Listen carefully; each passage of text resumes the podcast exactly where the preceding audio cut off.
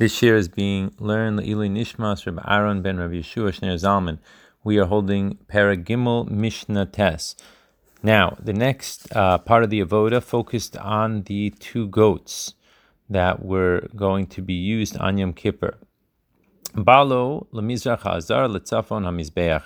So the Kohen Gadol was now brought to the eastern part of the courtyard, and as we mentioned before, everything was going to be taking place on the northern part of the uh, of the area because that's where the Kodesh Kadashim uh, were brought, and everything dealing with them was done over there. Now they went to, if you can imagine, the map of the courtyard. Remember, on the eastern side there is Nicanor's gate. So that's where they went to the that wall where Nicanor's gate was. That's where they walked to Haskan Mimino. So the deputy Kohen Gadol was on his right side, Verosh Beis Av Mismolo, and the head of the Beis Av. We talked about the Beis Av earlier.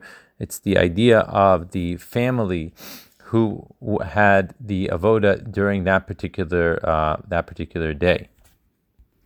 Visham Shnei Haseirim or Sham Shnei uh, Shnei Seirim. Over there were the two uh, he goats. Vikalpe Haisa Sham Shnei Goros. There was a wooden box which had in it two different lots. Shel Ashkroya Hayu. There was originally of a type of wood that the Bartanura says was a min eitz v'chashuv. It was a type of wood that was uh, expensive or important. And v'asan ben Gamla shel Zahab. But however, Rabbi Yeshua ben Gamla then, when he became the Kohen Gadol, he made them out of gold. And his name, the rabbis would mention it as in a praiseworthy way for having uh, done this idea of making him into gold. Mishnah Yud. Now that we mentioned Ben Gamla for his positive act and how we praised him, now we're going to mention um, a number of other people, four people to be exact, that were also praised. It says like this: Ben Katan asa shnei masar dad the kior. Ben Katan was a kohen gadol, made twelve uh, faucets on the kior. Shaloha yulo ela shnayim because there was only two. We talked about this earlier in the Masechta that there was only two faucets in the kior, and when the Tamid of the morning was offered, we counted out 13 different people that actually were involved in this uh, service. Now, it's interesting to note there are 13 people, but there were only 12 faucets. And the reason for that is, is because the person who was actually shechting the Tamid did not, uh, so to speak, fit into the same category because the slaughtering or the, of the offering is not considered a true avoida. Therefore, all the 12 people could wash their hands at the same time.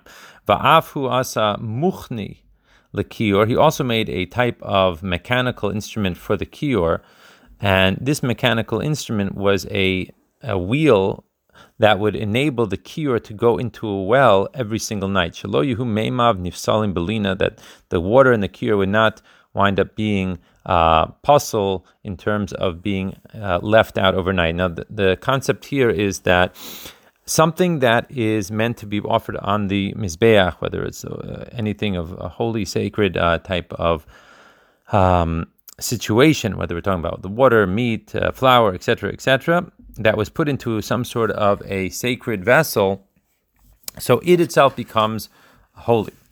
Now, if that entity remains in the vessel overnight, it falls under the category of lina, which means that it stayed out overnight, and now it becomes pasul and it cannot be used the next morning. So what ben, when Katan did is he made a device that would enable the water in the kior to actually be touching and merging with the water from the well, and therefore it would lose its separateness, so to speak. And therefore, in the morning, when they would bring up the kior again, it was considered like new water.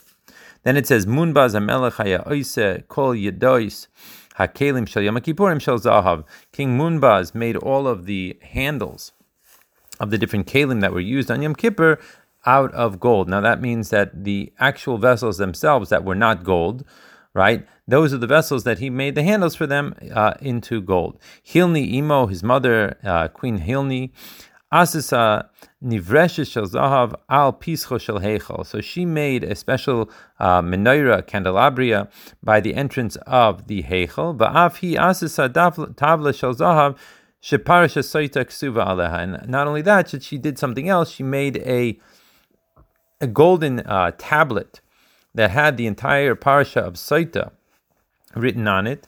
Now, this was done in order that when the passage was written, they would have to bring out a Torah scroll in order for him to be able to copy it from the Torah scroll. So now they did not have to bring out a Torah scroll. Then it says, Nicanor nasu nisim ledalas that Nicanor had these doors made in Alexandria, Egypt, that were unbelievably uh, beautiful, and he put a tremendous amount of his money into it. And the story goes that when they were taking them back by ship to Eretz Yisrael, there was a huge storm. And the sailors threw off one of the doors in order that the ship should be able to uh, make it to Eretz Yisrael. And then they went to throw out the other one, and Nicanor himself lied down on the door and would not allow them to throw it in without him. And at that very moment, the storm uh, went away. Now, when they got to the, the port of Akko in Eretz Yisrael, as it turns out, the first door also floated up, and that's why it says that the miracles happened on these doors. And that was put on the eastern side of the courtyard, known as Nicanor's Gate. Bahayu, Maskirin, Oiso, Lishvach, and so all of these different people were mentioned in a praiseworthy way by the Chachamim.